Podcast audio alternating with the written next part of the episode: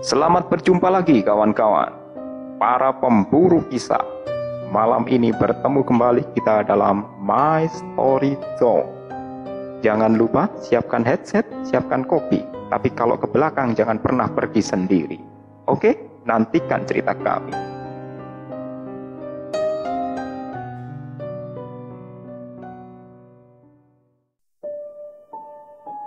Halo sahabat pemburu kisah Assalamualaikum warahmatullahi wabarakatuh Jumpa lagi di Mystery Zone Dengan saya Pak Jack dan rekan saya Kang Surya di sini.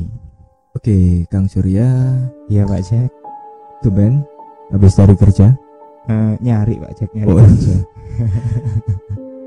iya habis pulang dari kerja ini Pak Jack. Gimana gimana? Ya ini katanya Kang Surya tadi sempat ketemu sama tetangga yang punya cerita horor nih Kang Ya bener. Ya jadi biasanya kebetulan apa ya sering ketemu ngobrol-ngobrol. Ya kali ini ada selentingan beliaunya mau berbagi sedikit kisah gitu. Hmm, Biasanya tetangga itu berbagi makanan Kang Surya Iya berbagi makanan ini kok tumben berbagi cerita cerita horor pula. Hmm. Serem juga ini. Ya mung- mungkin untuk di fragmen kali ini Bisa dibagikan ceritanya kepada sobat pemburu kisah Hmm, berarti berbagi cerita ini ya. Berbagi Oke. cerita berbagi makanannya nanti nanti saja ya. Mm-mm. Oke, bisa saya mulai ya Pak Jack ya. Iya silakan Kang Surya Oke. Eh, kisah ini dari tetangga saya. Beliau kebetulan sudah sepuh sekarang ya, sudah sangat tua. Jadi eh, kita sebut Mbah aja ya. Jadi Mbah ini Mbah Putri ini sebenarnya sudah lama pengalamannya itu kira-kira di tahun 70-an dulu waktu apa ya? Masih masih mungkin masih muda gitu. Jadi kisah itu bermula ketika Mbah Putri ini kan tinggalnya ya rumahnya kan juga nggak nggak jauh-jauh dari rumah saya ya. Nah kebetulan di daerah rumah saya dulu itu di pinggiran kota itu eh, ada sebuah area yang yang apa sangat luas dan gelap. Jadi ada kayak bangunan pemerintahan gitu yang yang peninggalan Belanda. Terus di halaman depannya itu ada pohon beringin yang besar gitu. Jadi ya pohon beringin ini waktu itu ya tingginya mungkin hampir 40-50an meter lah. Pokoknya terlihat jelas di seantero kota gitu. Nah, eh, ini cerita ini waktu diceritakan oleh Mbah ini eh, saya masih belum lahir waktu itu Pak Jack. Jadi ya kita sebut Mbah Sri gitu aja ya. Soalnya beliaunya tidak mau disebutkan namanya gitu. Nah, Nah, Mbah Sri ini waktu kira-kira tahun 70-an, awal 70-an itu daerah sana tempat tempat kota saya dulu itu memang apa ya? Masih tidak seperti sekarang. Walaupun listrik sudah ada, cuman penerangan jalan, penerangan tempat-tempat umum itu nyaris tidak seperti sekarang. Kalaupun ada ya apa ya penerangan hanya dari rumah-rumah yang di depan jalan saja. Dan waktu itu kalau sudah malam habis isak gitu jam-jam 8 gitu kondisi sebenarnya sudah sepi. Karena ya hiburan zaman dulu itu televisi itu hanya orang-orang tertentu yang punya. Bahkan apa ya radio pun kadang-kadang ya satu rumah satu. Bahkan kadang-kadang tidak ada yang tidak punya sama sekali pun juga ada rumah-rumah juga masih lampu-lampunya eh, masih lampu pijar gitu terus dinding-dindingnya juga bagian bawahnya tembok di atasnya itu masih dari bahan-bahan apa ya jalinan bambu kayak gedek gitu. Jadi ya itulah masa masa zaman dulunya Mbah Sri katanya. Nah pada suatu hari eh, Mbah Sri ini mau pulang dari berkunjung ke rumah saudaranya gitu di kampung sebelah. Nah, dalam perjalanan pulang itu sebenarnya juga kondisinya memang larut ya, mungkin sekitar jam 9 malam lah. Waktu itu memang kalau ke saudaranya itu dia tidak tidak tidak membawa kendaraan. Karena zaman itu memang yang punya sepeda pun juga jarang. Jangankan sepeda motor ya, sepeda kayu, sepeda angin saja ya. Mungkin satu rumah punya satu zaman segitu. Ya akhirnya pulangnya pun ya berangkat pulang jalan kaki. Walaupun dulu ada kendaraan gitu mungkin ya becak atau apa ya andong dokar yang ditarik kuda gitu. Nah sudah menjelang malam eh, Mbah Sri ini antara ragu minta diantarkan atau juga apa ya karena dia tahu pulang jam sekian melewati daerah tersebut. Yang dikhawatirkan itu ya bukan bukan apa kalau zaman sekarang kan mungkin ada jambret atau apa kriminal bukan kriminal lagi tapi ya gangguan-gangguan yang seperti itulah. Gangguan-gangguan dari makhluk-makhluk gaib yang di sekitar daerah situ. Karena memang dari dulu daerah itu sekitaran situ memang terkenal sering ada gangguan terutama di malam hari. Karena menurut cerita orang-orang dulu di situ dulu juga sempat terjadi apa ya zaman G30S itu ya tempat pembantaian simpatisan salah satu apa partai komunis itu. Jadi ya memang eh, sudah menjadi kayak semacam apa ya ngetren lah bahwa daerah situ mesti horor kalau malam. Nah Padahal siangnya juga ramai ada ada sekolah juga di sana, tapi ketika menjelang malam suasana itu berubah 180 derajat. Akhirnya karena Mbah Sri waktu itu minta mau minta diantarkan juga sungkan atau malu karena tidak apa ya memberatkan yang dikunjungi mau pulang sendiri juga takut. Akhirnya ya setelah dipikir-pikir ya sudahlah karena mungkin sudah daripada dipikir terlalu lama terlalu banyak pertimbangan akhirnya malah nggak pulang-pulang gitu.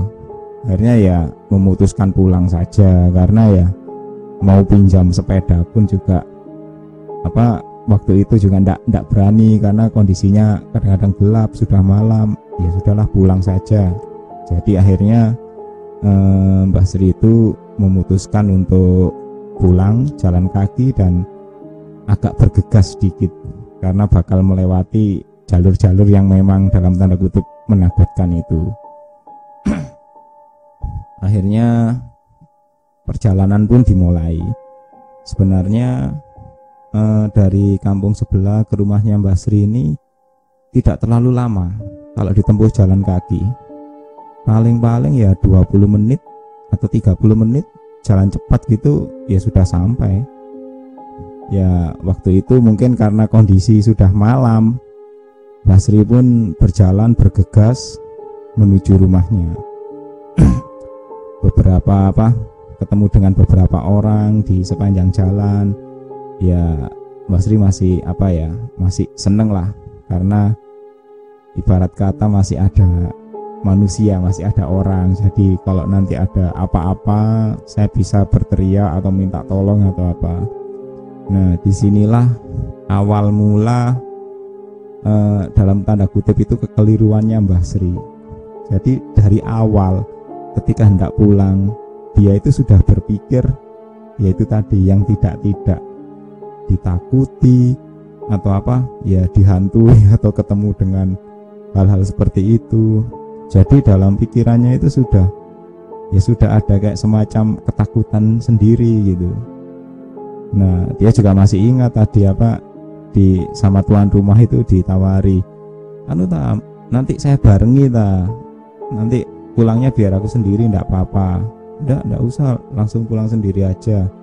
Nah karena dipaksa ayo ndak apa-apa tak barengi. Atau nanti tak apa tak ikuti dari belakang wes nggak ada yang ketinggalan tak nanti takut ada yang ketinggalan. Ndak ndak ada ndak apa-apa wes aku pulang sendiri aja.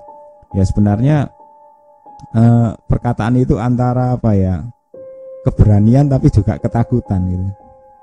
Jadi ya akhirnya ketika sudah terlanjur pulang hampir di tengah perjalanan ya pikirannya Mbak Sri itu agak ada rasa penyesalan gitu. Kenapa sih tadi kok ndak mau dibarengin? Kenapa sih tadi kok ndak mau dianterin? Sekarang kan tahu sendiri rasanya. Jalan sendirian di tempat sepi gini ya merinding juga gitu. Akhirnya ya karena sudah terlanjur jalan Mbak Sri pun waktu itu melanjutkan perjalanan mendekati area yang tadi apa di bawah pohon beringin itu. Nah, sebenarnya apa ya pilihan jalan itu ada dua, sebelah kiri ataupun juga sebelah kanan. Jadi pohon beringin itu kan diameternya waktu waktu itu kan seumuran saya itu saya lihat memang besar. Jadi kira-kira ada 6 sampai 5 sampai 6 meter lah diameternya. Jadi ya di sebelah kanan itu jalan raya yang aspal ya, tapi ya jalan apa kecil ya zaman segitu ya. Mungkin hanya satu mobil saja yang bisa lewat. Sementara jalan di sebelah kiri itu jalan setapak. Jalan setapak itu yang langsung berhadapan dengan bangunan pemerintahan yang peninggalan Belanda itu. Nah waktu itu Mbah Sri kalau lewat jalan yang sebelah kiri ya memang ada sedikit penerangan. Tapi ya karena dari awal dia ada rasa ketakutan kalau lewat jalan kiri melihat gedung kuno itu dia juga semakin merinding gitu. Akhirnya Mbak Sri pun memilih jalan yang sebelah kanan. Walaupun di situ apa hanya ada sekolahan gitu ya. Tapi setidaknya lampunya itu lampu di dalam sekolahan itu di terasnya di pagarnya itu masih lumayan lah bisa menerangi area jalan. Nah akhirnya Mbak Sri pun mengambil jalan aspal itu. Syukur-syukur nanti di daerah situ kan mungkin apa ya walaupun dempet dengan pohon beringin tapi jalan di bawahnya kan biasanya ada orang lewat atau kendaraan lewat. Jadi kalau nanti ada apa-apa bisa minta tolong lah gitu. Akhirnya Basri pun terus melanjutkan perjalanan. Nah semakin dekat itu mulailah dia itu merasa merinding. Jadi dari kejauhan itu sudah terlihat sosoknya pohon beringin yang besar dengan akar-akarnya yang menjuntai-juntai seperti apa seperti tubuhnya ular yang melinting-linting melilit-lilit gitu. Terus di bawahnya juga di jalan aspal itu banyak daun-daun yang berserakan daun kering dan juga buah-buahnya yang biji-biji buah biji pohon beringin yang berjatuhan bulat-bulat gitu. Ya rasa merinding rasa ngeri itu mulai muncul namun karena Mbak Sri sudah dalam apa ya dalam pikirannya tadi juga ada rasa gengsi tidak mau diantar. Dia pun memutuskan tetap nekat sambil berharap nanti siapa tahu ada di sepanjang jalan ini masih ada satu atau dua kendaraan yang lewat entah itu orang bersepeda entah itu apa beca atau apa. Kalaupun nanti sudah sangat ketakutan ya terpaksa lah berhenti dulu manggil tukang becak atau apa gitu. Padahal ya sudah separuh jalan pikirnya gitu. Nah terus berjalan mulai mendekati pohon beringin. Di area situ kan memang agak lapang ya. Jadi halaman yang gedung pemerintahan yang besar itu juga tempat terbuka hanya ditutupi dedaunan pohon beringin di yang tinggi di atas.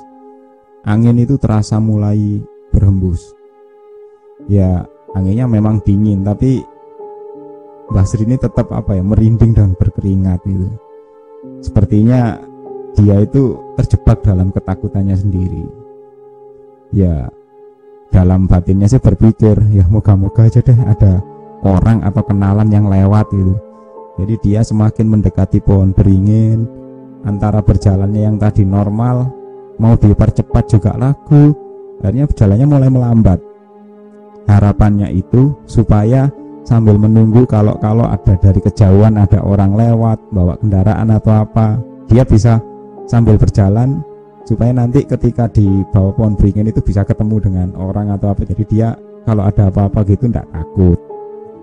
Ya tapi karena memperlambat kok tidak ada kendaraan nggak ada yang lewat ah ya sudah deh jalan terus saja. Akhirnya jalan lah terus Nah, ketika di mendekati pohon beringin, eh, sepertinya dia merasa apa tadi ada yang tertinggal ya, entah kunci rumah atau apa. Mbak Sri mikirnya gitu. Dia sambil meraba di saku pakaiannya gitu. Oh, kok nggak ada. Akhirnya dicek di apa? Di kayak kan dulu itu membawa kayak tas yang terbuat dari rajutan gitu ya. Itu dicari. Oh, kunci rumah ada, tapi kok sepertinya ada yang ketinggalan gitu. Mbak Sri mulai merasa tidak enak. Namun justru itulah yang membuat dia itu merasa apa ya?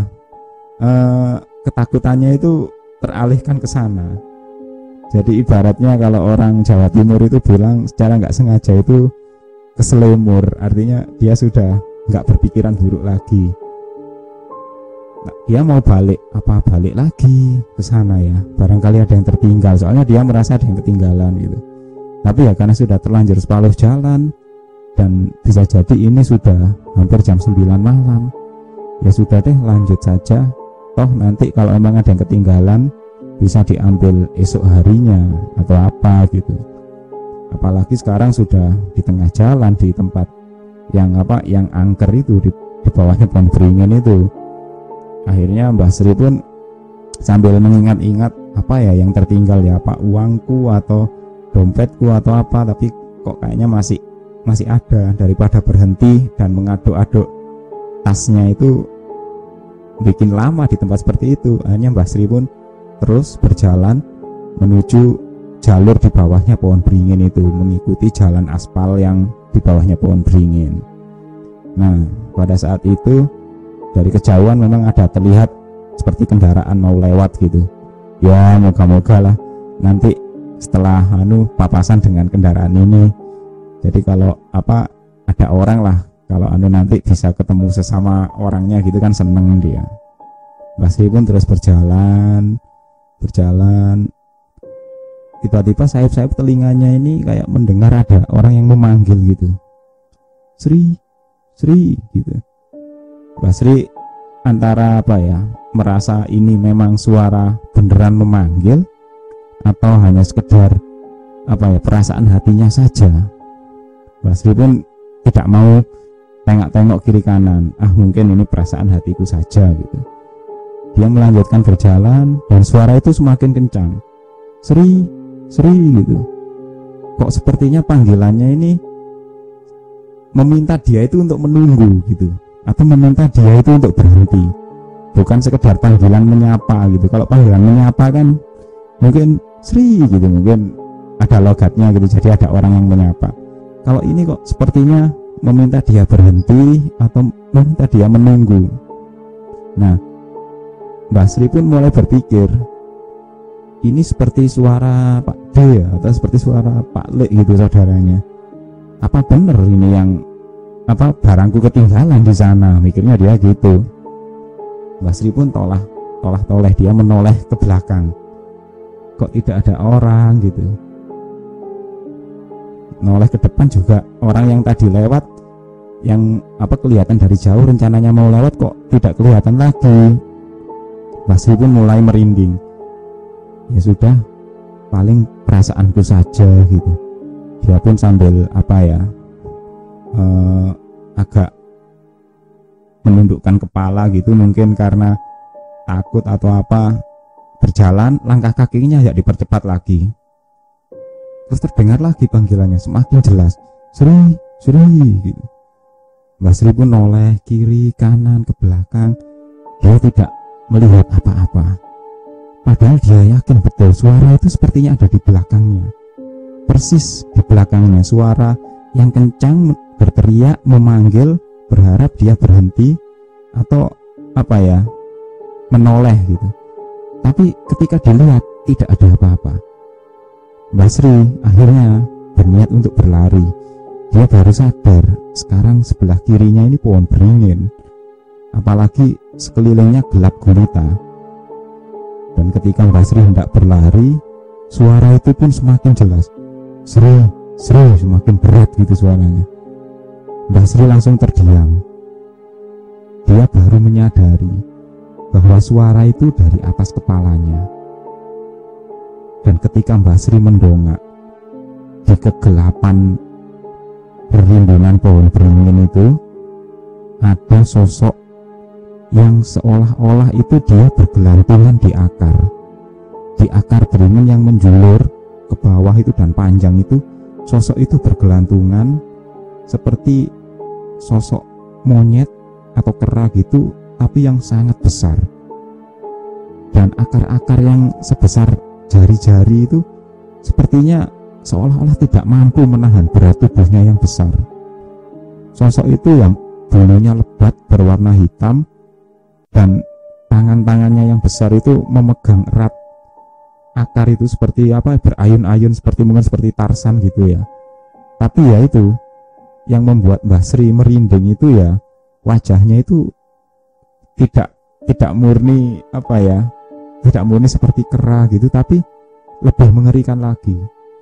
Jadi wajahnya hitam dengan matanya yang lebar seperti mendelik gitu. Namun juga hidungnya itu kayak bulat dan apa ya lubang hidungnya itu besar-besar gitu. Juga yang membuat Mbah Sri ketakutan itu suara itu ternyata keluar dari mulutnya yang dipenuhi gigi-gigi runcing jadi makhluk itu sambil memandangnya dari atas berayun-ayun di akar pohon beringin itu memanggil-manggil dia. Sri, Sri gitu. Seperti mempermainkan gitu. Mbah Sri pun ketakutan. Dia waktu itu hampir terjatuh dan apa ya merangkak sampai sandalnya terlepas. Dan makhluk itu sepertinya seolah melorot turun dari akar itu dan mempermainkan Basri sambil melihat Sri Sri suaranya berteriak apa ya suaranya menyapa tapi di telinga Basri itu seperti suara yang keras dan berteriak gitu. Dan karena Basri ketakutan dia berusaha meraih kembali sandalnya yang tadi terlepas dan dibawa lari. Dia tidak menyadari bahwa waktu makhluk itu tadi hendak melorot turun dia itu makhluk itu menunjukkan gigi-giginya yang runcing dan air liur yang menetes air liur itu menetes di apa sepanjang aspal itu mengenai sandalnya Mbah Sri yang terlepas tadi. Akhirnya Mbah Sri pun kabur dan dibawa ke rumah. Apa sandalnya yang terlepas itu di, tidak dipakai dipegang sampai di rumahnya. Nah karena ketakutan Mbak Sri pun langsung apa ya uh, bercerita ke orang-orang di rumah. Dan orang-orang di rumah pun waktu itu juga heran dengan keadaan Mbak Sri kenapa kamu orang tuanya juga kok badanmu kok seperti bau bangkai seperti ini? Jadi apa ya Mbak Sri waktu itu datang itu dengan kondisi setengah menangis itu tapi orang-orang di rumah itu merasa ada bau yang sangat luar biasa. Bau kayak bau bangkai gitu. Nah Basri tidak tahu kenapa ini kok bisa baunya sejauh ini ya. Padahal tadi ditak apa dihantui itu di sana kemudian berlari tanpa berhenti sampai ke rumah terjatuh-jatuh. Tapi juga bau itu sebenarnya tidak hilang-hilang. Akhirnya Mbak Sri pun baru menyadari bahwa bau itu berasal dari apa ya? Dari sandalnya yang dia pegang. Waktu dilihat lagi di sandalnya itu seperti apa ya? Ada ada air liur tapi warnanya itu seperti kehijauan gitu. Apa antara kuning kehijauan. Nah Mbah Sri pun ketakutan. Jangan-jangan ini air liurnya makhluk tadi gitu. Bau itu bau bangkai itu menghantui seisi rumah semalaman semalam suntuk. Sampai tidak ada yang bisa tidur. Akhirnya sama orang tuanya Basri awang itu, itu merasa ini mungkin berasal dari sendal ini ya. Akhirnya sendal itu pun setelah dicuci itu ditaruh di luar rumah di dekat apa di dekat pintu pagar di jalan depan rumahnya itu. Tapi ya seperti itu bau dari luar itu masih seolah-olah terasa bagi penghuni rumah itu. Dan sepertinya teror itu bau itu tidak berhenti begitu saja. Keesokan harinya pun tetangga-tetangga rumah itu juga bercerita ini kok ada bangkai tikus? Seperti bangkai tikus atau bangkai apa ini? Baunya seperti itu. Dan orang tuanya Mbah Sri termasuk Mbah sendiri pun juga menyadari sandal yang mereka jemur itu di depan itu dari pagi sampai siang itu masih saja berbau. Akhirnya karena apa ya karena daripada membebani pikiran dan dan juga mengganggu gitu. Akhirnya katanya sandal itu yang terkena liur lendir itu tadi pun dibuang. Zaman segitu mungkin dibuangnya masih ya dibuang ke sungai Pak Cek ya. Padahal kalau zaman sekarang kan nggak nggak boleh itu buang sampah sembarangan di sungai itu. Nah jadi ya begitulah kisahnya Pak Cek Mbak Sri. Iya. Kisahnya Mbak Sri ini sebenarnya juga ada yang mirip-mirip seperti itu Kang Surya. Hmm. ya mungkin lokasinya juga sama ya. Ya ada beberapa kisah yang pernah saya dengar ini makhluk itu memang sering apa ya meludah. Ya eksis yang di situ iya yang yang lewat di situ sering diludahi gitu. Iya. Ada saya dengar seperti itu ada sih beberapa. Ya saya nggak tahu itu di tempat yang sama atau mungkin di tempat yang lain tapi kalau dengar ceritanya Kang Surya tadi mungkin di tempat yang sama. Iya betul. Eh terus apa namanya dengan kondisi seperti itu gelap pulang sendiri betul bisa dibayangkan betapa takutnya kalau misalnya itu terjadi sama kita Kang Surya. Iya. Jadi Tapi mungkin saya aja nggak berani kalau seperti itu. Kalau zaman sekarang mungkin yang kita takuti ya mungkin begal begal terus apa HP kita dirampas atau mungkin kalau cewek digodain gitu ya. Betul. Tapi kalau zaman dulu Zaman ketakutannya beda. beda. Betul.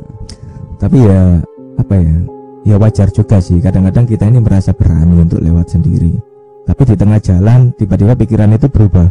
Iya. Ada, Seperti ada penyesalan gitu ya. Iya. Kalau gitu tadi nginep aja atau iya mungkin, betul. Atau mungkin minta bantuan orang lain untuk nganterin atau apa gitu. Nah mungkin satu hal yang mungkin harus kita ingat itu kalau Surya. Iya Pak, ya. berdoa. Iya. Kadang-kadang hal seperti itu ketika sudah mencapai kejadian, kemudian ada kejadian, berdoa pun kadang-kadang kelupaan ya, saking takutnya. iya kadang-kadang malah nggak keluar dari mulut itu Kang Surya Iya. nggak bisa ngomong lagi saking Hmm. takutnya Ya itu. Oke sahabat pemburu kisah Tadi adalah cerita yang dialami oleh Mbak Sri yang mana Mbak Sri ini memang tetangganya Kang Surya sebenarnya dan juga kisah ini dialami di antara tahun 70-an ya Kang Surya Iya, ya. sekitar 70-an lah. Dan jangan lupa untuk mengikuti fragmen-fragmen kami selanjutnya karena pastinya akan banyak cerita-cerita yang menarik dan serem untuk didengarkan. Oke. Assalamualaikum warahmatullahi wabarakatuh. Sampai jumpa di fragmen selanjutnya. Bye bye.